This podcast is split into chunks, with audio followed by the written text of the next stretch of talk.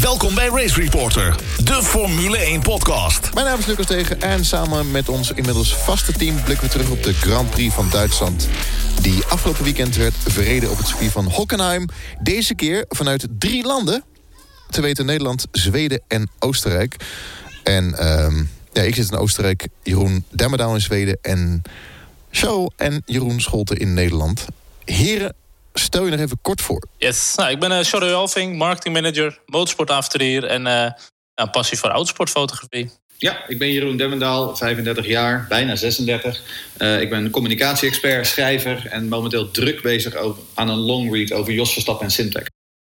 En ik ben tenslotte Jeroen Scholten, volg de sport al 35 jaar en ben net terug uit Duitsland. Ja, Voordat wij uh, verder gaan, even kort de donaties. We hebben weer een aantal donaties binnen. Niels en Karin, hartstikke bedankt. Dank voor jullie support.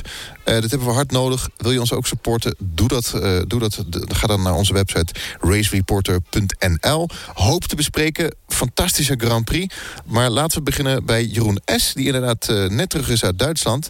Jij was er al vanaf woensdagavond. Vertel, hoe was het?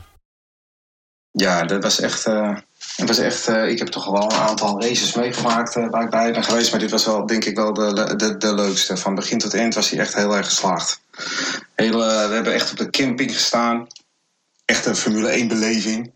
En uh, met heel veel malle Nederlanders en nog mallere Duitsers. met s ochtends vroeg Jochem Meijer met wakker worden, wakker worden. En en de, het Duits geschal van Guten Morgen, Guten Morgen.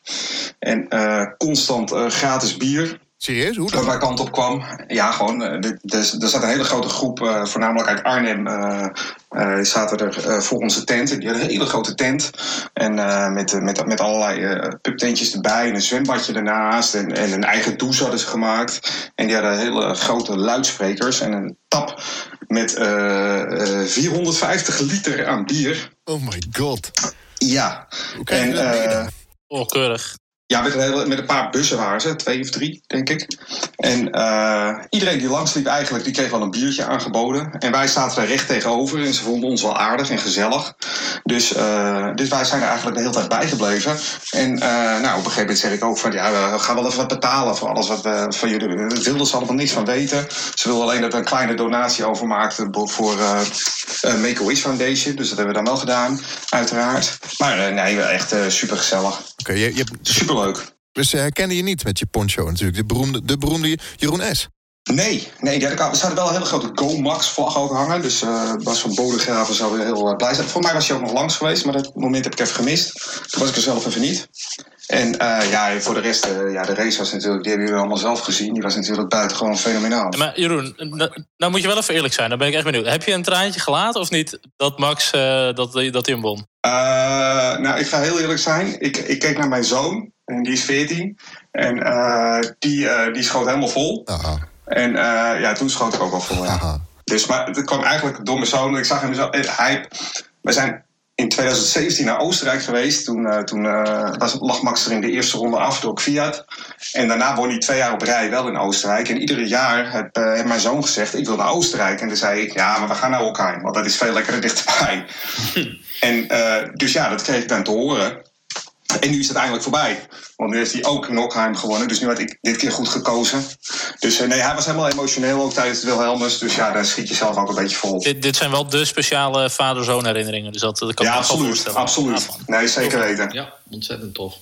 Hey, jij zei ook nog iets over, Jeroen, over het feit dat dit niet de laatste Grand Prix op Hockenheim zou zijn. Ondanks alles. Nou, dat, dat, als je daar bent gewoon, ik heb het ook met mensen daarover gehad die daar ook waren, en die hebben het eigenlijk ook een beetje dat gevoel. Ik was er in 2016 voor het eerst. En, en toen was het een hele ander Hockheim als dat, je nu, als dat het nu was. Heel veel uh, tribunes, vooral op de Noordtribune, waar ik, uh, waar ik nu ook zat. Dat was allemaal afgeplakt met, met, met grote doeken waarop dan wat sponsoring te lezen was. Omdat ze simpelweg niet uitverkochten. En uiteindelijk uh, als je dat nu ziet, is alles helemaal uitverkocht. Uh, die fanzone is vele malen groter geworden. Er, er, wordt een heel groot gebouw, wordt er ergens bijgebouwd naast de Oranje Tribune. Volgens mij heeft het iets met Porsche te maken, dat ik begreep. Maar ze zijn in ieder geval volop bezig op en rond het circuit. En uh, de, de, de, de campings zijn ook veel voller dan voorheen. Uh, de, de kaarverkoop gaat volgens mij gewoon zo op het oog heel goed. En ze zijn volop bezig met, met uitbreiden. En uh, ja, ik heb gewoon het idee dat. Misschien staat hij er volgend jaar niet op. Maar die, deze Grand Prix blijft niet weg. Die komt gewoon weer terug. Die is echt wel populair. En dat komt niet alleen maar door Max. En ik denk ook wel, um, inderdaad, met Zandvoort die eraan komt. En ook met, met de beslissing die Liberty maakt. Je hebt natuurlijk al uh, Oostenrijk die volop met oranje fans. Uh, België, zometeen Nederland. Maar goed, Silverstone is verlengd. Dus de kans is natuurlijk groot dat hij eraf raakt. Maar dat hij misschien toch na een paar jaar er gewoon weer op komt. Dat denk ik wel. Dat denk ik dus zelf wel. En, en natuurlijk is het zo dat uh, Zandvoort uh, heel veel uh, terug, terugpakt. Maar mensen afpakt. Maar er zijn er ook heel veel teleurgesteld. Omdat ze geen kaartje hebben in Zandvoort. En Hockheim is maar hè, ja, afhankelijk van waar je woont in Nederland. voor mij is het vijf uur rijden. Maar voor heel veel mensen is het maar drieënhalf uur rijden. Dus het is gewoon dichtbij. Ja, en dan is er natuurlijk nog de, de Mick Schumacher hype. Hè? Die, dat zou zogenaamd dan de hoop van de natie moeten zijn. Die heeft inderdaad twee twee dagen. Op zaterdag en op zondag heeft hij een rondje of drie, vier uh, demonstratieruns uh, gedaan in de Formule 1 auto Ferrari van 2004 van zijn pa. Ja, als je hoort hoe dat Duitse volk hem, hem, ontvangt, dat wordt echt een grote nieuwe volksheld. Mocht hij de Formule 1 halen, ja, ik denk zelf dat hij dat uiteindelijk wel zal halen, omdat het gewoon een aantrekkelijke coureur is om bijvoorbeeld bij Alfa Romeo in te laten stromen hè, als Ferrari junior. ja, dat, dat, dat, dat zal bij, bij de Duitsers een hele grote hype creëren, denk ik. Ja, ik moet er wel even zeggen trouwens, want dat, ik, ik, uh, ik moet even tegen onze grote vriendin Karin, moet ik wel eventjes zeggen, die ook nog iets gedoneerd heeft. Het spijt me dat ik haar niet heb ontmoet afgelopen weekend, wat we wel zouden doen. Uh, we hadden afgesproken voor vrijdagmiddag. Maar helaas was het zo verschrikkelijk heet, 41 graden na de vrije trainingen. En toen hadden we echt zoiets, vooral mijn zoon, van ja, ik moet echt eventjes weg hier. Het is te heet. Dus Karin, ik hoop een ander keertje alsnog jou te ontmoeten. Maar sowieso vinden we het altijd heel leuk als we mensen via Twitter zien. Zo heb ik laatst op Zandvoort ja. uh, Dennis Broekhart gezien. Vorig jaar uh, kwam ik inderdaad Dennis Burgersdijkers tegen. Hendrik Sijp, afgelopen race met de DTM uh, ook even gezien. Dat is altijd wel leuk om dan even iedereen die we online zo vaak spreken... om die ook eens even tegen te komen. Precies, precies. En dit keer is het helaas even misgelopen. En uh, ik had via Twitter al wat contact met haar gehad. Maar uh, ja, sorry. Er is altijd nog Zandvoort volgend jaar. Dan de start. Ik, zat, uh, ik moest nog eventjes snel... ik was natuurlijk, natuurlijk in Oostenrijk, dus ik moest snel nog even een, een kroegje vinden. En ik heb zitten kijken via RTL. Jawohl. RTL Duitsland. en, Kai, der Kai Ebel. Ja, dus ik, ik was op zoek naar of ik Jeroen S. ergens kon zien in zijn poncho. Maar goed, de start begon Max tweede. We denken, nou, dit wordt een leuke, leuke start. Maar goed, we hadden dus eerst een uh, aantal ronden achter de safety car. Opvallend, want die telde niet mee voor de race. Uh, was namelijk een formation lap. En uh, dat was voor mij, volgens mij voor het eerst. We hadden een nieuwe race director... die natuurlijk na het overlijden van Charlie Whiting uh, het, het, stokje heeft overgenomen. Maar die wilde die minder risico nemen. En het was ook de eerste keer met deze auto's dat we uh, gingen rijden op het, uh, het nat natuurlijk. Um, uiteindelijk toch een staande start. Erg tof.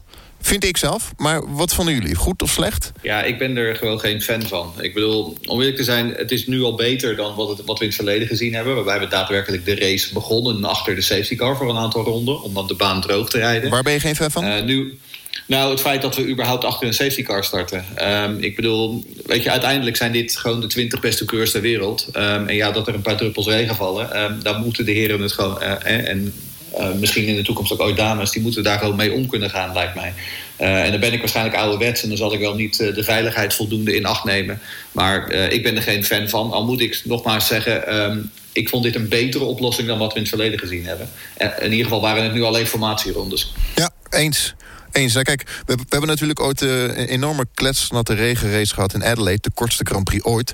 Dat was uh, 91 geloof ik. En natuurlijk die enorme crash in uh, Spa-Francorchamps. In Spa in 98. Ja, ik denk dat het daar nog een steeds een beetje mee he heeft te maken. Maar goed, dat was de vorige eeuw. Dus, kijk, het is eigenlijk geen start achter de safety car. Het is inderdaad gewoon een formation lab, een verkennende ronde. Nou, omdat het nat is, ga je toch nog even, uh, even door, zeg maar. Het is toch die baan verkennen. Misschien de grootste plassen even droog rijden. Joh, even wennen aan omstandigheden. En er waren jongens die hebben nog nooit in een Formule 1 auto in de regen gereden. Kijk, en het was inderdaad uh, uh, voor, voor Michael Masi... dat is inderdaad de, de wedstrijdleider op dit moment... de eerste keer dat hij misschien zo'n moeilijke beslissing moest nemen. Ja, ik vind het wel goed dat ze hem even verkennen, de baan. En dan is het gewoon stilstaan en starten. Kijk, als je hem helemaal had gestart achter de safety car... dat dat echt gigantisch zonde geweest, denk ik. Ja, maar toch was dit geen... Ik vond het niet echt een moeilijke beslissing. Want uh, wij zaten daar op de tribune... en, en voorafgaand aan de race is het uh, de laatste twee uur voordat het begon... dus van 1 tot 3 of zo heeft het echt geregeld. Er was een normale regenbui, uh, geen tropische moezon... En tijdens de race heeft het eigenlijk alleen nog maar een beetje gemiezerd. En dan weer droog en dan weer een beetje miezeren en dan weer iets meer, iets minder. Maar in ieder geval, uh, het was geen uitzonderlijke regenbui. Ik vond gewoon eigenlijk dat het wel gewoon hadden kunnen starten. Ja, ben ik met je eens. Ik bedoel, ik ben, jij bent ook destijds in Spa in 95 geweest. Ik bedoel, dat was Ja, een beetje. ja. Het, het kwam op mij een beetje over op, op soort, als soortgelijke omstandigheden. Ik bedoel, Spa 98, Precies. toen met die enorme crash. Toen was het echt verschrikkelijk slecht weer. Eh overigens reden er toen ook een aantal jongens voor de eerste keer in een eh, Formule 1 auto in de regen. Waaronder Ricardo Rosset, die als een soort torpedo eh, het hele veld binnenreed. Ehm, maar ik, ik, ik, ja, ik had inderdaad, voor mij had het niet gehoeven. Eh, ik denk dat die jongens eh, gewoon goed genoeg zijn. Ook een Lando Norris of eh, een andere, een George Russell, die inderdaad nog nooit de- dit soort omstandigheden hebben meegemaakt. Ik denk dat die dit gewoon wel kunnen, kunnen handelen. Ja, en, en sterker nog, die crash in Spa was notabene Coulthard die eraf vloog. In een McLaren. Ook niet de eerste, de beste rijder. Dus, maar goed, over, over de start gesproken. Een slechte start van de Honda is een poepstart van Max. Had, eh, was dit een slechte start van Red Bull of Max waar eh, Gasly op reageerde? Het is gewoon die Honda's volgens mij... eh, die, die toch een probleem hebben met de toerental, met de start en de koppeling. Je ziet al, hij start eigenlijk aan de verkeerde kant. Want de racelijn zit natuurlijk links. Daar is de grip. Daar reden ze natuurlijk ook overheen achter de safety car met name. Ehm, Oké, de jongens achter Max en Gasly die waren natuurlijk wel een stuk beter weg. Maar het is gewoon denk ik nog een dingetje van Honda. Die start zijn het hele jaar nog niet goed geweest. Ja, eh, uiteindelijk is het wel goed gekomen. En Max die zette hem voor mij nog even langs. eh, wat was dat? Magnussen volgens mij, die er even langs kwam. Ehm, ja, is niet goed. Absoluut niet. Nou, ik vond, volgens mij was het meer een gripding hoor. De rechterkant van de, van de baan, daar lag, daar lag meer water dan op de linkerkant van de baan. Nee, nee, de Honda, Honda gaf het zelf ook aan na de afloop van de wedstrijd. Dat er iets, dat had iets te maken met de engine mapping op de twee Red Bulls in ieder geval. Oké, ja, maar Max gaf iets aan over grip. Maar... Het is beide. Weet je wel, je hebt Ja, dan al... dat had te maken met in hoeverre de Honda, in hoeverre de Honda zeg maar, de, de, de, de power verdeelde over de achterwielen of zoiets. Er, er, zat een, er, zat- er was een technische aanleiding voor, waardoor het alleen de Honda's waren. Ja. Oké, nou in ieder geval, eh, in vaktermen heet dat gewoon een poepstart. Ja, inderdaad. Wat ik juist wel opmerkelijk vond, is dat ze, ze, wat ze zeiden dan, zeg maar, nu hè, na afloop van de wedstrijd, dan dat ze voor het eerst sinds 92 een dubbel podium hadden. Maar dat ze dus niet de Mugen Honda-jaren meetellen bij, eh, bij Honda. Ehm, want ik bedoel, Jordan stond natuurlijk in Spa in 98 met twee Honda's op het podium toen Hill eh, eh, en Schumacher bij de beste drie eindigden. Maar was dat niet wat ze nu zeiden van twee Honda's op het podium van twee verschillende teams? Kan dat niet kloppen? Eh, dat weet ik niet. Dat is wat ik heb gehoord. Dat zou best kunnen, Maar- ja. Dat zou best kunnen natuurlijk. Nee, maar dat was, eh, dat was in 92 toch ook niet? Dat was toch gewoon Berger en Senna Ja, dat zal in de. McLaren? Ja, true. Dat is ook zo. Eh, hoe dan ook. Duidelijk tellen ze de Mugen Honda-jaren niet mee. Nee, dat denk ik Dat ook. wel opmerkelijk. Inderdaad. Ehm, wat vonden we van de strategie van Max trouwens? Eh, ik vond die keuze voor de mediums nog wel opmerkelijk toen hij naar droog ging. Maar die was heel raar, hè? Want ik, ik heb de race naar de hand even teruggekeken. En dan, dan hoorde ik in de verslaggeving inderdaad iets zeggen van... ja, het was achteraf gezien wel handig dat ze de mediums eronder zetten... om softs tot het eind te bewaren. Maar dan denk ik, ja, maar zo'n vooruitziende blik kan je niet hebben. Volgens mij was het gewoon een, een, een verkeerde call om mediums eronder te zetten. Ja, ik denk dat het inderdaad wel een verkeerde call was. Uiteindelijk liep het wel goed af. Maar inderdaad, op die medium band naar buiten, op een natte, koude baan. Die band is gewoon niet warm te krijgen. Je krijgt geen grip. En op dat moment heb je alle grip nodig die je kan hebben. En in dat opzicht is het ook niet vreemd dat Max even een kleine 360 deed. Eh, die hield hem gelukkig wel uit de muur of wat dan ook. Ehm, maar nee, ik denk dat het niet de beste strategie was. Maar uiteindelijk is het toch allemaal wel, eh, wel goed gekomen, gelukkig. Nou ja, uiteindelijk, ik bedoel, wat de strategie natuurlijk bij die tweede of de derde of de vierde, weet ik veel hoeveelste safety car het was. Dat ze hem wel naar binnen haalden en dat Mercedes gewoon de boot miste. Ik bedoel, op dat moment waren ze natuurlijk eh, helemaal on top of hun game bij Red Bull. Ja, mee eens. Maar ik was wel benieuwd. Max die had natuurlijk in Q2 met de kwalificatie... had hij weer wat problemen met, met, met de motor. Eh, hij had het voor mij ook weer over die turbo-lag. Ik was wel benieuwd dat als hij echt helemaal probleemvrij was... of hij eh, niet weer voor Pol kunnen gaan. Maar die Red Bull die zit er wel echt veel beter bij, hoor, de laatste races. Turbo lach, daar moet ik altijd om lachen. Het is een turbo lag. Lag. Ja. Ja, maar dat is English. Het is gewoon lach. Jij bent echt, eh, echt een Noord-Hollander, hè? Ja, dat schijnt wel, ja. West-Friesje, ja. Dan de uitgeleiders van de week. Wel opvallend. We waren heel veel uitgeleiders. eh, Onder andere Max Verstappen, maar die had de mooiste. Maar eh, wie was de uitgeleider van de week? Leclerc, Hulkenberg, Perez, Gasly, Lewis of toch Bottas? Het is wel een beetje een nieuwe Wall of Champions, hè, daar, die, uh, die laatste bocht inderdaad. Die turn 17 inderdaad. Um, ik moet zeggen, ik vond het opmerkelijk. Uh, het was wel een soort van kaf van een sporenscheid om te kijken wie er door kon rijden en wie niet kon, door kon rijden. Hè. Want Leclerc ging natuurlijk één keer de fout in toen hij bijna half door die, driften door die bocht heen kwam. En toen hield hij hem nog op de baan. En Rijkonen die kwam er weer uit. En Hamilton kwam er weer uit. Sainz. Uh, maar Sainz. Sainz uiteindelijk kwam er weer uit. Maar Hulkenberg dan weer niet. En Leclerc de tweede keer dan ook weer niet. Um, nee, het, het, het, was echt... Um, ik vond ook dat, dat na afloop begon Leclerc... die begon te zeuren over het feit dat het asfalt daar niet goed genoeg was. Uh, buiten de baan. En toen dacht ik van... Ja, maar het is, een, het is een uitloopstrook. Het asfalt hoort daar niet. ja, hoort daar keffels van liggen zelfs. je, moet daar, je moet daar niet rijden. Um, weet je, hou hem dan gewoon op de, op de, op de, op de baan. Dan ja. heb je daar geen last van. Maar goed. Ja. Uh, wat mij vooral verbaast is dat de jongens die toch een beetje onder druk staan voor hun contract. En dan heb je het over Bottas natuurlijk, of je volgend jaar uh, wel bij Mercedes blijft. Gasly die onder druk staat. En Perez die volgens mij nog niet zeker is voor zijn stoeltje volgend jaar. Hulkenberg die ook onder druk staat. Uh, dat die jongens toch inderdaad nu de fout in gaan. En nou, Grosjean die zit natuurlijk ook een beetje op de, op de wip op dit moment. Die had ook weer aan de, sto aan de stok met zijn teamgenoot. Ja, ze hebben niet uh, zich van de beste kant laten zien deze race. Nee, vooral Leclerc niet. En als je, dan, als je dat dan uh, uitzet tegenover Vettel... Hè, die toch gewoon, hè, vooral na die laatste wedstrijd in Silverstone... die had dit echt even nodig. Dat vond ik wel mooi hoor. Nou, dat wou ik wel even zeggen, ja. Want over mensen die onder druk staan... Sebastian Vettel was wel de grootste die onder druk stond. Ja. En uh, hij natuurlijk een miserabele kwalificatie. Leclerc ook wel, dat moet ik hem wel nageven. Maar uh, van 20 naar 2 is natuurlijk wel uh, een enorme prestatie. Ja, en ik las gisteren, er was gisteravond iemand op Twitter, die had, uh, dat was, die had een Reddit-user, die had de, de boordradio's van Vettel zitten analyseren. En die, die, had dus, die was erop uitgekomen dat Vettel dus alle calls voor de strategieën, voor de bandenkeuze zelf maakte. Die, het was dus niet Ferrari die aan de, aan de pitmuur die, die beslissingen maakte, maar Vettel zelf. Dus de hele strategie lag ook echt, daar, daar, daar kun je hem ook echt een veer voor geven. Wat vind je dan van Max Verstappen, die dan achteraf zegt van waarom geven jullie maar mediums en geen softs? Had hij dat zelf moeten beslissen? Nou ja, ik denk dat dat misschien wel een leerproces is. Hè? Dat zal wel een leerproces zijn, denk ik, voor, voor Max. Dat hij inderdaad daarin ook assertiever gaat worden. Kijk, en Vettel is natuurlijk al wat ouder, wat, wat ervarener. Dus die, die neemt gewoon die beslissingen. En ik denk dat dat voor Max ook een leertraject is. Ja, maar dat is ook vrij hectisch. Het was, was ook een rare opmerking van Max, vond ik. Want het is net alsof hij dus van tevoren niet wist dat hij mediums zou krijgen. Maar dat zal toch wel iemand hem in zijn oor hebben gefluisterd? Ja. Het lijkt me toch wel dat je dat van tevoren weet. Maar misschien willen ze ook niet te veel de concurrentie gaan tippen dan, hè? Als die wel meeluisteren op de, op de radio. Um, maar ik denk wel dat het, het voordeel dat Vettel hier had ten opzichte van Leclerc is gewoon ervaring. En dat zei Max ook al over zichzelf na de race in het interview. Ja, hij heeft natuurlijk ook wel geleerd de afgelopen jaren van dit soort situaties.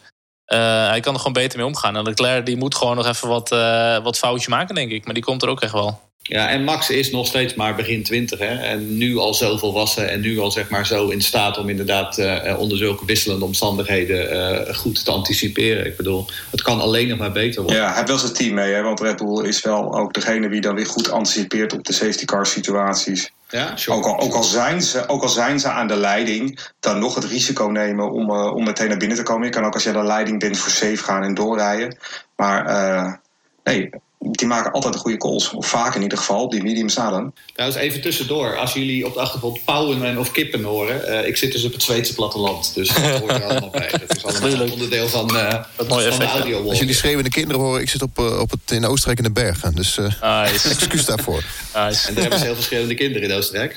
Maar nog, maar nog even, even, even een uitspraak. De uitgeleider van de week. Ik bedoel, Hulkenberg... Laten we eens even kort doornemen. Hulkenberg had zijn podium... voor het eerst een podium kunnen scoren. Hij hield zijn helm ook op. Volgens mij heeft hij een half zitten janken nog. Kijk, Perez, oké, okay, goed. Nou, Gasly, gast, wat doe je? Uh, Lewis hield hem nog op de baan. Bottas.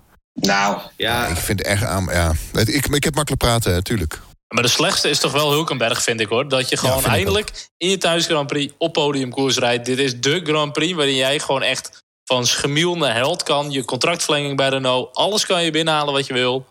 En dan ja. zet je nou ook zo lullig, hè? Gewoon aquaplaning. Uiteindelijk jongens. niet de rem los en gewoon de muur in. Dat je denkt, oh, dit was zo maar, zonde. Maar dachten jullie, nou echt, dachten jullie nou echt dat hij op een podium ging eindigen? Ik bedoel, het is al 167 Grand Prix lang niet gebeurd. Dus waarom zou het nu wel gebeuren? Bovendien, ik bedoel, volgens mij was er geen, is er geen Duitser geïnteresseerd in Nico Hulkenberg, hoor, als je daar bent. Iedereen is voor Vettel, Vettel, Vettel. En Hulkenberg speelt echt een bijrolletje. Ja. Speelt echt een bijrolletje. Goed, dit was wel Zelf, de kans. Ja, dat is waar. Zelf vond ik toch wel de uitgeleider van, van de week. Ja, je kan natuurlijk zeggen Bottas, want die lag natuurlijk op podiumkoers. Maar ja, Bottas maakt verder, moet ik zeggen, heel weinig fouten. Maar ik, nee, ik vind Gasly. Want de, de knulligheid om, Ja. om achter Albon eh, te laat eh, weg te... Nou, dat, dat kan toch niet? Dat is toch echt een, een, een, fout. Die moet je in de junior-series maken, maar niet in de Formule 1. Nee, en, En dat liep het gelukkig nog goed af, hè, voor hij, was daarvoor al, hij was daarvoor ook al twee keer voorbij gereden door Albon. Hè? Eh, Albon was hem twee keer gepasseerd eh, in een Toro Rosso. Hij was achterste van de vier Red Bulls, ja. Ik wil het zeggen, ik bedoel, Gasly, Ja, nog, Gasly was echt om te huilen. maar nog één race, hè? Nog één race en dan is de zomerstop. Nou, maar dat is wel, voor mij heeft Helmut, Marco, die had ik eh, gelezen, dat hij had gezegd dat, eh, dat er dit jaar niks meer gaat veranderen binnen de Red Bull team, zeg maar. Dus eh, de, de zitjes die blijven gewoon zoals ze zijn. Ik weet niet of dat echt officieel is, maar ik zag het wel eh, op een van de, de Max Clickbait sites zag ik het voorbij komen. eh. Ik wil Heel zeggen, dat is toevallig. toch niet dat AD-verhaal, hè? Dat AD-verhaal dat Nee, eh, nee, nee. verspreid wordt en wat, wat gewoon nergens op bleek. Want het AD merkte, merkte eerder, deze, eerder deze week op dat, dat Gasly, of dat eh, eh, Kwiat en eh, Albon al bevestigd waren voor 2020. Eh, maar dat was omdat ze gewoon een quote uit een Duits artikel eh, verkeerd gelezen hadden. Want dat stond er namelijk niet. Ehm, eh, kijk, wat, wat, wat wel een aardige hot take is, eh, waarom, eh, waarom Van Doorn niet? Als er nou iemand rijp is voor eerherstel. En die was, van de, die was ook cheeky actief op eh, Twitter op vrijdag. Toen, ehm, eh, toen Gasly gecrashed was op de vrijdag. Ja, maar je wilt toch een rijder die snel begon is? die begon daarop te reageren. Ja? Ja, dat heb ik ook wel eens met Berline gedacht. Dat zijn ook prima jongens. Dat is ook een prima jongen. ja Beerlaan wordt nu genoemd bij Haas, hè? Ja. Als vervanger van Grosjean. Omdat hij in de paddock was eh, dit, eh, dit weekend. Ja, maar naast Gasly, of naast Max wil je wel iemand hebben die weerstand kan bieden en die ook echt snel is of waar nog heel veel potentie in zit. Ja, daar zie ik geen Van Doorn in en, en ook geen, eh geen Ik wel. Wehrlein. eh. Ik wel. Van Doornen maakt, wat Van Doornen maakt namelijk nauwelijks fouten. Van Doornen is iemand die eh, eh, rustig eh, Max eh, de nummer 1 laat zijn. Van Doornen is iemand die vrij stabiel is. Ja, ik zie het. Ja maar, ja, ja, maar je hoeft mij niet te overtuigen maar, van Van Doornen. Nee, maar wel om- wanneer, is de- wanneer was de laatste keer dat Red Bull iemand van buiten de Red Bull stal aanstelde? Dat is echt heel lang geleden. En uiteindelijk, als je kijkt naar het afgelopen weekend... dit podium was het grote gelijk van Helmut Marko. Hè? Drie ontdekkingen van hem stonden daar. Dus eh, applaus voor hem wat dat betreft. Ja, dat is ook waar. Absoluut, maar ik even, nog even snel over Van Doorn. Want kijk, jullie kijken voor mij geen Formule 1, want dat is geen volwaardige raceklasse. Maar daar heeft hij echt eh, totaal niet geïmponeerd van Doorn. Daar hebben ze echt eh, gigantisch slecht, Ja, vond ik. omdat hij het gewoon niet serieus neemt, natuurlijk. Nee, maar ja, Van Doorn is een autocoureur. Dus die moet je niet in de Formule 1 neerzetten. Nee, maar dan nog. Exact, ja. Dat is een echte racer. Die hoort hier in de Formule 1. Ja, Laten we even, even bij Duitsland blijven, jongens. Ehm, want we hadden het nog over, over Lewis. Die, eh, ja, hij was ziek. Maar ik heb bij Lewis tegenwoordig zoiets... Die heeft zoveel praatjes. Ja, de best crowd. En het was de zwaarste race ooit. Ja, maar het last van zijn keel. Dat als hij zegt dat hij ziek is, dat ik het al niet meer geloof. Maar Nou, Dat ik wel. Ik, ik weet je wat ik. Er begon nu vanochtend begon ook dat verhaal, dat, eh, dat videootje rond te spelen. Dat hij, eh, dat hij de auto aan de kant wilde zetten. Ja. Eh, precies, I laat- laat retire the car. Laat mij dan even advocaat van de duivel spelen. Ehm, weet je, ik, ik vind in the heat of the moment begrijp ik dat wel. Ik bedoel, hij was natuurlijk ziek. Op dat moment lag hij vijftiende, geloof ik. Ehm, ik kan me voorstellen dat je dan in de heat of the moment zegt... jongen, weet je, laten we er gewoon eh, een eind aan breien. Aan de andere kant bewijst dat fragment ook de waarde van teamwork. Want op dat moment is het zijn engineer en zijn team... die hem tegen zichzelf beschermt. En die zegt, hey, eh Lewis, kom op jongen, we gaan nog even door. Want wie weet wat er nog te halen valt. Nou, en uiteindelijk is, dat, eh, is het gelijk van het team bewezen... want ze hebben er nog twee punten aan overgehouden. En Lewis zal ongetwijfeld de eerste zijn om toe te geven... hé hey, jongens, jullie het bij het rechte eind. Ehm, maar in de heat of the moment kun je zoiets zeggen.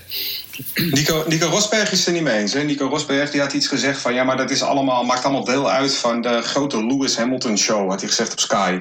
Want eh, ja, ja, hij laat het altijd... Hij laat het altijd moeilijker lijken dan dat het Maar werkelijk dat is toch ook zo? Want zijn engineer die zei zelf van hij heeft een beetje last van zijn keel. Dat was het enige wat voor mij is gezegd officieel. Ja, dat vind ik niet, niet bijzonder ziek of zo. Race Reporter, de Formule 1 podcast. Racereporter.nl Ehm, maar het was natuurlijk wel in het hol van de leeuw, Mercedes. Een speciale livery, een halve speciale livery trouwens. Een beetje jammer dat hij niet helemaal wit was. 125 jaar motorsport. Maar in dit hol van de leeuw, waar iedereen had verwacht... Ja. dit wordt weer zo'n race, dat eh, Mercedes het gaat binnenhalen. En hun Dus 200ste niet Grand Prix als, eh, als team. punten. En dan eh super toffe livery. Ik vond hem zelf wel mooi. Maar ook die jaren 50 pakjes. Eh, Netflix eh, deze keer bij hun over de vloer in hun eerste seizoen dat ze meededen. Ja, dat is wel een gigantische Nou, dat, afgang. wordt, eh, dat, dat wordt een. Die, die pitstop die komt wel op, op Netflix. wat een ramp.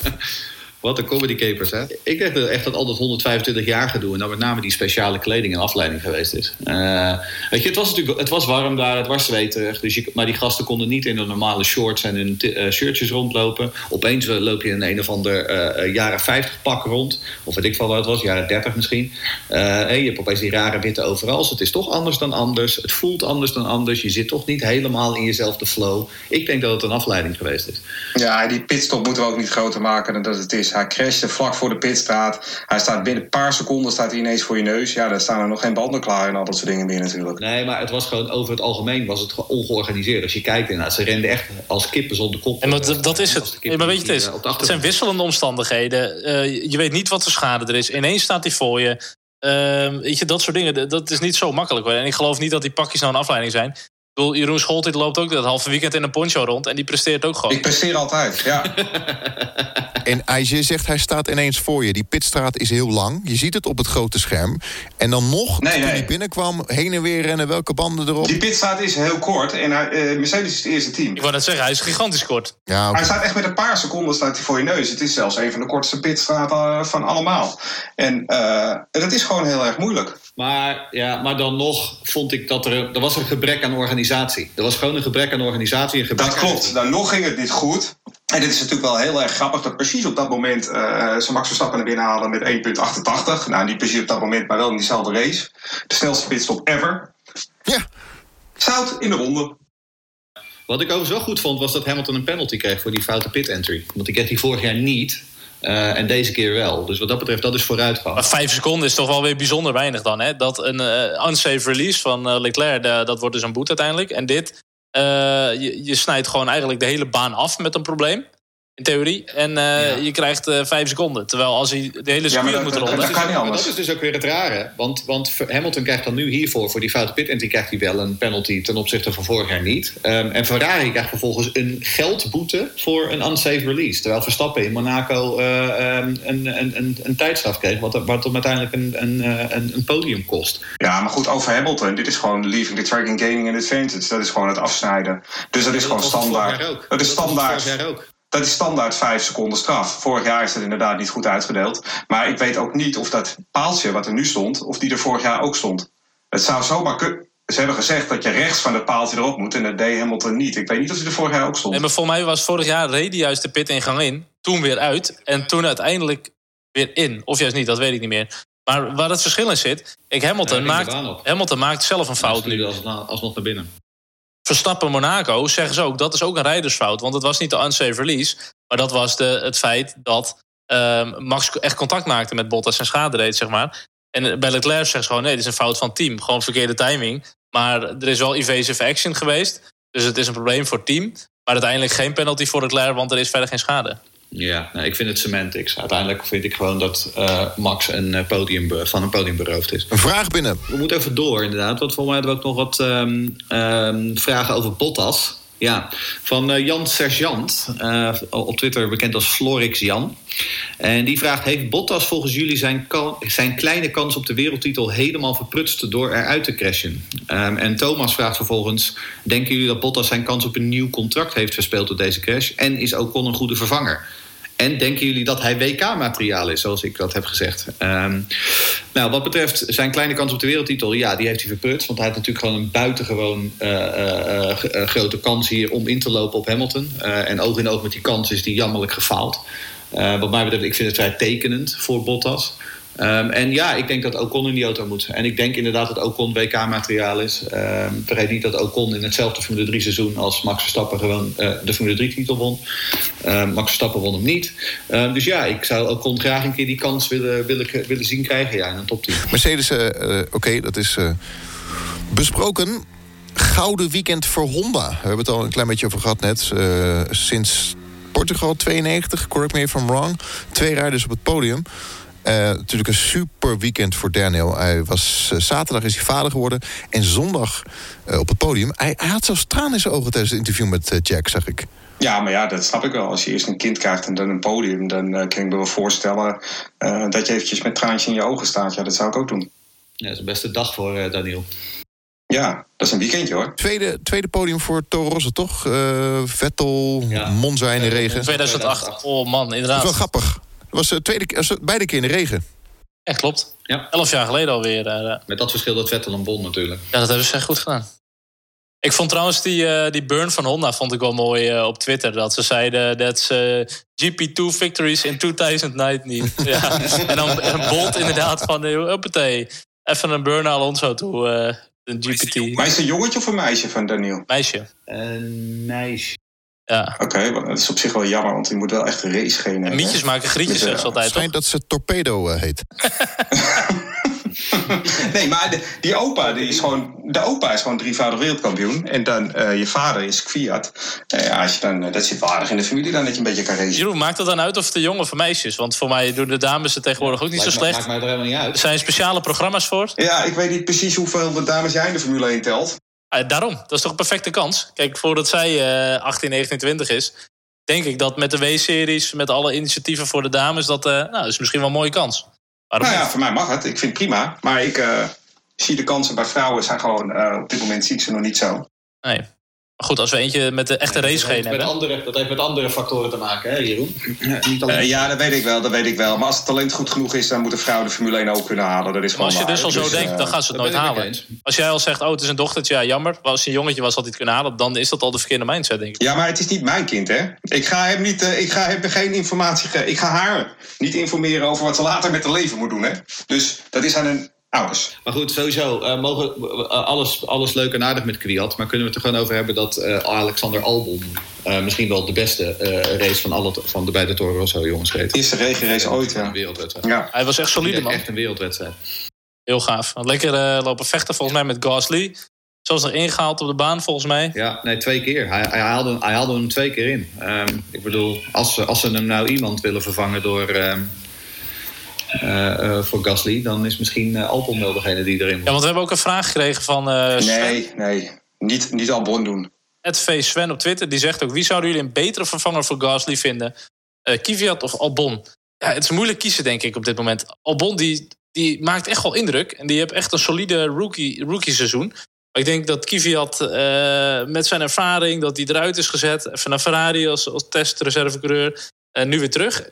Podium gepakt. Ja, ik zou het eh, eh, met hem gaan proberen, denk ik. Ja, Albon is nog niet klaar, hoor. Verstappen maakt hem helemaal kapot.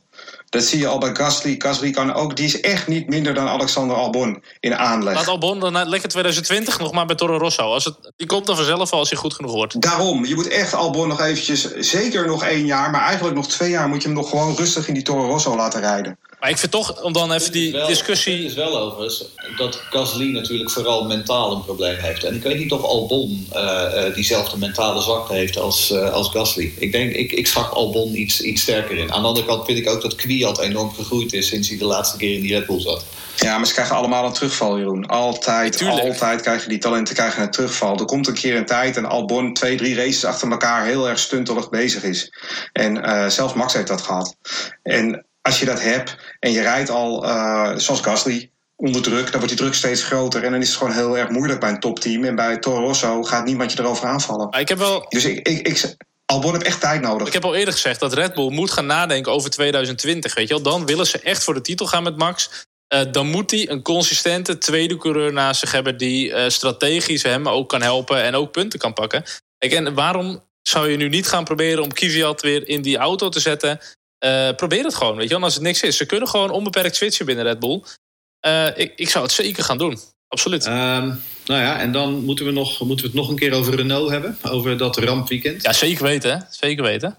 Abiteboel. En er ligt er ergens een truck in een uh, greppel in Hongarije, geloof ik. Nee, maar echt twee keer dat shot naar Abiteboel op de pitmuur. Dat vond ik echt fantastisch. Eerst met Ricciardo. eh, motor die ploft. Nou, die reed nog even lekker eh, het halve circuit over. Olie erop gooien. Ja, ik vond dat super mooi. Daarna eh, Hulkenberg. Ja, dat vind ik dan wel heel treurig. Maar weer dat shot naar Abiteboel. Ja, dat moeten we toch wel even noemen. Die moet zich wel gaan verantwoorden, denk ik, eh, in, eh, in, eh, in Frankrijk. Ja, want ik moet wel zeggen, de ene Renault naar de andere Renault gaat naar de kloten. Maar ehm, die Honda's, die blijven maar eh, draaien. Want daar gaan er nog niet zo heel veel van stuk. Ja, want Norris, die is uiteindelijk ook uitgevallen. Is dat bekend wat eh, dat probleem was? Ja, dat was een versnellingsbak. Oké. Niet meer. Ja. Maar goed, het gaat niet heel erg lekker bij Renault. Ik weet niet of Jeroen Esther nog iets over wil zeggen. Bij Haas gaat het wel heel goed. Bij Haas gaat het uitstekend. Daar gaat het echt heel goed. Dat wordt steeds leuker om te volgen. Dat is echt... Echt Netflix volgend jaar met die, met die documentaire, met die Gunther Steiner. Dat wordt echt genieten. Ja, nee. Ja, ik ben benieuwd in hoeverre je die uh, strijd tussen die rijders ook mee gaat krijgen in dat Netflix-seizoen. Want het is nu al, alweer dat de jongens elkaar gaan raken. Uh, voor mij, Gunther Steiner die is nu echt gigantisch uh, zat. Maar goed, ze hebben wel met een maar, beetje geluk. Kant, ook, ook zeven en acht, hè? Nou ja, kijk, ze hebben gewoon, go gewoon goed doorgereden. En ze zijn gewoon uit de problemen gebleven. Ik heb ze voor mij de hele race bijna niet gezien. Op het moment nadat ze elkaar uh, hadden geraakt. Um, en dan ja, met geluk dat Sauber nog wegvalt, dat ze dan uh, echt nog wel wat prima puntjes binnenhalen. Uiteindelijk staan ze nu weer op gelijke hoogte met, uh, of met Alfa Romeo dan, staan ze op gelijke hoogte qua punten. Ik moet wel overigens zeggen dat uh, Grosjean volgens mij toch echt wel genoeg ruimte liet voor Magnussen hier. Ja, ik vond dat wel. Magnus had weer een beetje de Deense rode mist voor zijn ogen, inderdaad, in dit geval. Ja. Maar ja, aan de andere kant, Magnus heeft een contract al voor volgend jaar, Grosjean niet. Um, en dat is nog steeds de vraag: hè. gaan ze Grosjean weer verlengen? Uh, want ik zou het niet doen. Um, Ondanks het feit dat Alexander Rossi niet langer meer uh, beschikbaar is. Nee, maar Sergio Perez? Ja, Perez inderdaad. Zou inderdaad een goede, een goede kandidaat zijn, ja. Dan, ga even staan. Uh, die, degene die dat willen. Een groepsbuiging voor Lance Stroll. Hij lag op een gegeven moment zelfs aan de leiding. Ja, ik ga er geen buiging voor geven. Nee, ik blijf uh, lekker zitten als je het niet erg vindt. Ja, ik wel. Ik wel. Ik heb echt uh, in Duitsland echt voor hem gebogen toen hij over de finish kwam, ja. Wat, wat een genie. Ja. ja, wat het dus gewoon is. Een genie is wat het is. Echt, echt gewoon een genie. Volgens mij hebben we ooit eens op Spa-Francorchamps... hebben we volgens mij een keertje de beroemde Giancarlo Fisichella aan de leiding gehad van een Grand Prix in de Force India. En nu uh, in de, ja, ja, toch ook een beetje nog steeds de Force India. Voor het eerst weer. Ja, buigen. Gewoon buigen. Die jongen, gewoon, die jongen is gewoon goed. En, en uit Q1 gekomen. En gewoon aan de leiding van de wedstrijd. En vierde finishen in een Racing Point. Nou, oh. vertel maar wie dat, wie dat eventjes nadoet. Niemand. en wat, wat het meeste respect is, op ronde 45, ronde 45 reed hij gewoon ene laatste. Volgens mij reed alleen... Uh, is het Kubica nog achter hem, volgens mij? Eh, of Russell? Ja, hij reed achter um, Russell. Ja. Voor Kubica. En uh, uiteindelijk hebben ze gewoon als eerste een pitstop gedaan bij Williams. En hij naar binnen toe.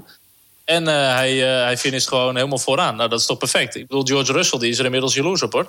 Dus ze hebben gewoon een risico genomen. We gaan even door. Ja. Alfa Romeo, goede race. En, uh, Kimi deed het goed in de opening. Hij lag op een gegeven moment derde. Maar toch weer een uh, slecht resultaat. En dan kun je afvragen hoe dat nou kan. Dat Kimi zo'n goede start had.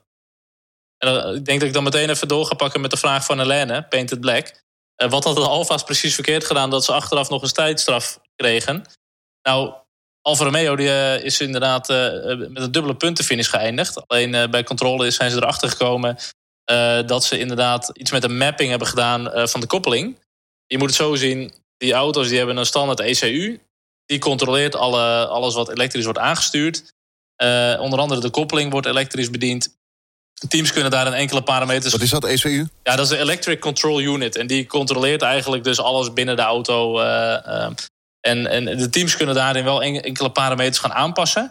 Eigenlijk wat ze nu hebben gedaan... is een soort van traction control nagebootst... door eigenlijk die koppeling gewoon heel langzaam uh, te laten reageren. En wat je dan krijgt is eigenlijk dat je koppel gewoon heel geleidelijk uh, gaat... waardoor je niet heel veel wielspin krijgt bij, bij het wegrijden.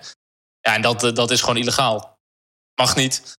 Um, dus vandaar dat ze wel een goede start hadden. Nou, daar hebben ze dus 30 seconden straf voor gekregen ik denk dat ze nog van geluk moeten spreken dat ze niet gewoon uh, gedisqualificeerd zijn. Ja, ze gaan nu protest aantekenen. Goed, dat verklaart wel de goede, de goede, de goede start, verklaart dat deels. Maar ze gaan wel protest aantekenen. Nou goed, ook, ook dat gaan we zien.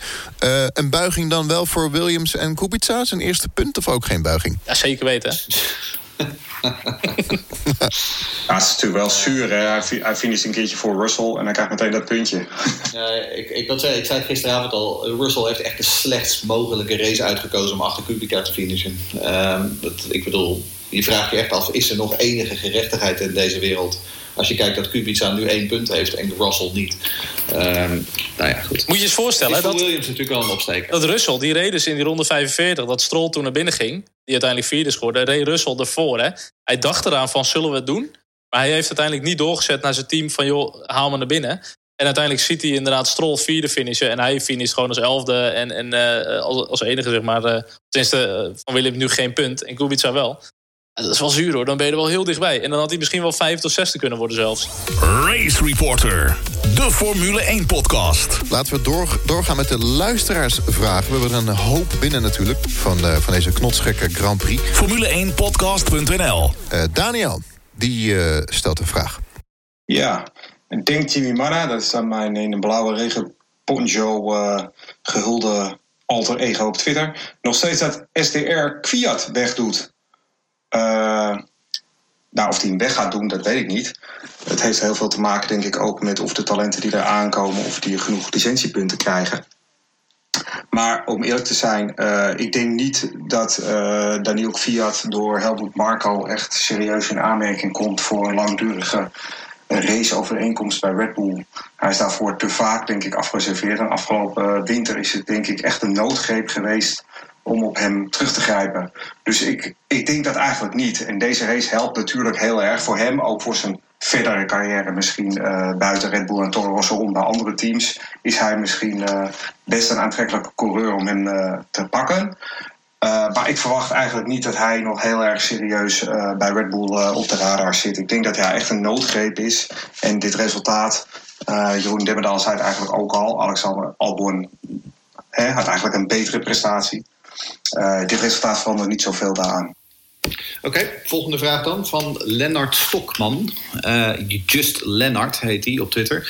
En die vraagt over Verstappen en Hamilton gesproken. Rosberg zei gisteren dat Verstappen zijn tot nu toe foutloze seizoen misschien nu wel beter is dan van Hamilton, gezien zijn fouten in de afgelopen race. Zijn jullie het hiermee eens? Want qua consistentie lijkt Verstappen nu beter.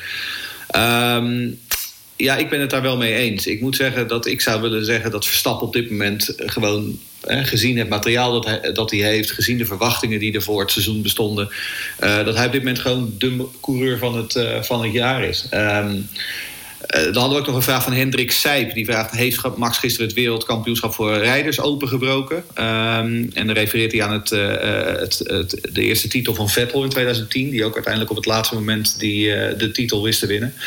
dat denk ik niet. Maar wat ik denk wel dat Hamilton uiteindelijk gewoon kampioen gaat worden. Maar ik denk dat Max goede kansen heeft om, um, om Bottas nog bij te halen. Dat, daar staat hij op dit moment uh, 22 punten achter uit mijn hoofd.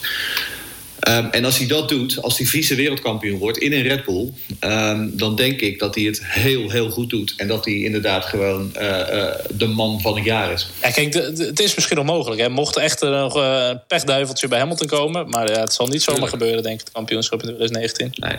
Nee, alles is mogelijk, maar realistisch gezien, ik denk dat het achterhalen van Bottas wel nog gewoon te doen is. Het achterhalen van, uh, van Hamilton lijkt me um, nou ja, niet onmogelijk, maar heel, heel moeilijk. Ja, maar oké, okay, maar de vraag was over de consistentie. Maar vind jij dan dat Verstappen consistenter is dan Hamilton, omdat Hamilton nu één foutje in de regen maakt? Um, ja, omdat um, Verstappen uh, iedere keer het maximale uit zijn auto haalt. En uh, Hamilton doet dat nog niet. Hamilton doet dat nog niet? Nee, want die heeft namelijk niet twaalf wedstrijden bij gewonnen. Okay. Want hij heeft namelijk gewoon met afstand de beste auto van het veld. Uh, ja, maar, maar dan is winnen niet het maximale. Pole position pakken en winnen, dat is niet het maximale. Wat moet hij daar nog meer doen? Nou, dat zeg ik, pole position halen en, en winnen. En dat is twaalf keer op een rij. Dat heeft hij niet gedaan. Hij is een aantal keer is hij uh, de mindere van Bottas geweest. Hij is, hij is twee keer uh, inmiddels de mindere van Verstappen geweest. Oftewel, oh, oftewel, Hamilton haalt nog niet het maximale uit zijn materiaal. Verstappen doet dat wel. Ja, is dat zo? Hoe meet jij dat dan? Dat kan je niet aan Gasly afmeten. Dus hoe, hoe weet je dan dat, dat Leclerc niet uh, het nog beter zou hebben gedaan? Ik noem maar een voorbeeld. Omdat Leclerc erachter staat in het kampioenschap? En omdat de nee, maar ik bedoel in die auto. Het is, het is, ja, ik probeer je niet een hak te zetten, maar het is zo nee, moeilijk om in te schatten. Het is zo moeilijk om in te schatten. Ik, ik, ik, ik, kijk gewoon naar Hamilton en ik zie hem al, al, al jaren bij Mercedes rijden. En er zijn altijd uh, verhalen over... ja, maar Hamilton is zo goed omdat hij zulke goede auto's heeft. Maar de man presteert ook ongelooflijk consistent al jaren op rij. En hij maakt nu inderdaad gisteren een fout. We hebben, het nu niet, we hebben het nu niet over jaren op rij, we hebben het over dit seizoen.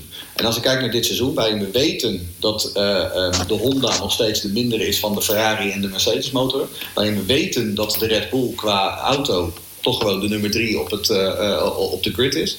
Als je dan ziet dat uh, Max Verstappen op dit moment op de derde plaats in het WK staat, voor bij de Ferraris en binnen handbereik van de tweede Mercedes, dan zeg ik ja, dan is hij op dit moment uh, de sterkste van het zegje. Eens? Goed, we gaan verder met de vraag keer maximaal. van Egbert. Ja. Egbert Meijnen. Uh, die vraagt: Was het bij de meeste incidenten niet eerlijker en zinvoller om voor een virtual safety car te gaan in plaats van de reguliere safety car? Ja, ik zelf denk het niet. En dat zijn twee redenen.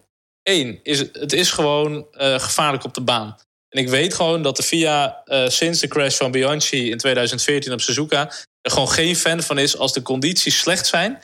om het dan af te doen met de virtual safety car... terwijl de mensen op de baan aan het werk zijn... terwijl de uh, voertuigen worden geborgen. Weet je, dat zag je nu zelfs al met Leclerc die eraf was. Die liep nog langs de boarding en toen ging eigenlijk Hamilton eraf. Ja, ze zijn er gewoon geen fan van. Liever maar even neutraliseren. Uh, dat die auto's gewoon echt minder snelheid hebben... en achter de safety car zitten. dan kan er ook minder snel wat misgaan. En ik denk nog steeds, en dat zeiden we volgens mij met Silverstone ook, um, dat, um, dan moet ik even nadenken, de Formule 1 ook een beetje de Amerikaanse weg volgt. Dat je misschien soms beter maar even safety car kan doen. Dan kan iedereen weer aansluiten, zit het veld weer dichter bij elkaar. En dan krijg je ook weer gewoon betere races. En voor mij was het op een gegeven moment zelfs Russell, die op een ronde achterstand lag. Ja, die kan zich toch ontdoen en die kan eigenlijk wel weer gaan, gaan meevechten. Dus ik denk dat dat de twee redenen zijn dat ze gewoon uh, voor een normale safety car hebben gekozen. Oké, um, dan gaan we door naar nog uh, een vraag van Meike. Uh, Dutch Meike op Twitter. En die vraagt: Er wordt veel gesproken over de mogelijke vervanging van Gasly bij RBR. Maar net zo interessant is het euvel genaamd Grosjean. Uh, wie zien jullie hiervoor in de plaats komen? En zij suggereert dan Sergej Sirotkin. Uh, die zegt, uh, want ze zegt hij heeft technische kennis, want hij is ook een engineer. Hij is degelijk en hij heeft sponsoren. Um, nou ja, we hadden het eerder natuurlijk alweer al, al even over, over Haas en wie daar voor Grosjean in de plaats zou kunnen komen. Sirotkin zou niet direct mijn keuze zijn. die had inderdaad een sponsor in de vorm van SMP Racing. Dat was een Russische bankier die erachter zit.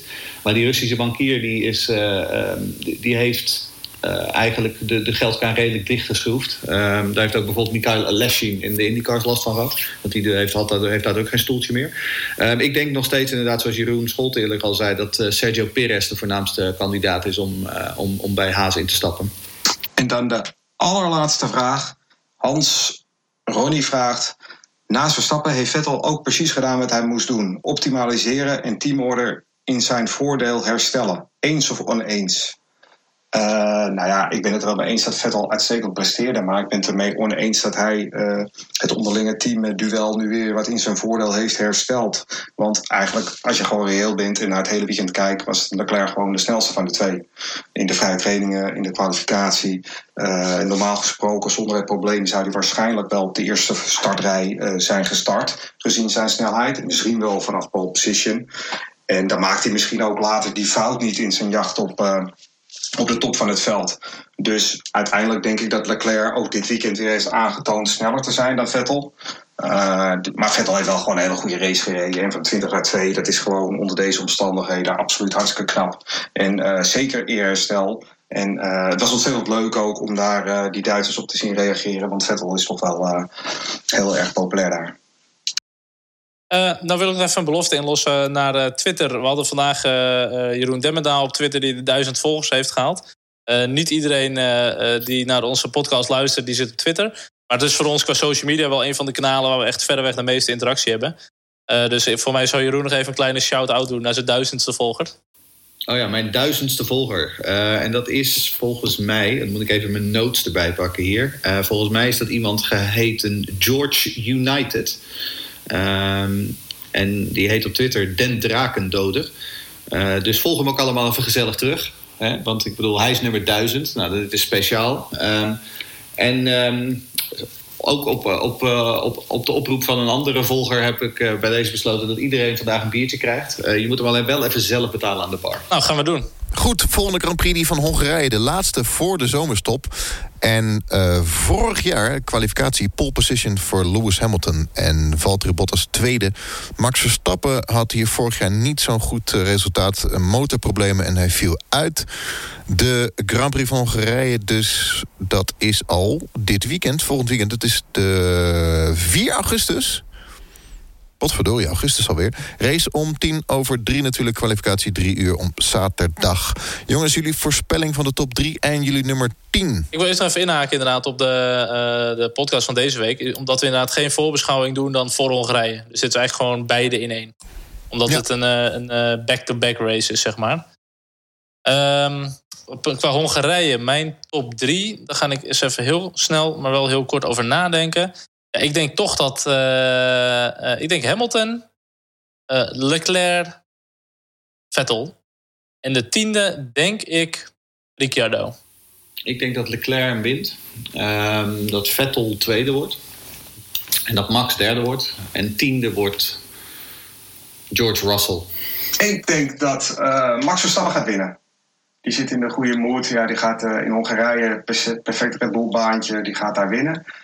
Uh, tweede wordt Lewis Hamilton in herstel. En derde wordt Charles Leclerc. En nummer 10 van deze wedstrijd wordt Carlos Sainz. Lucas, jij nog een voorspelling wagen?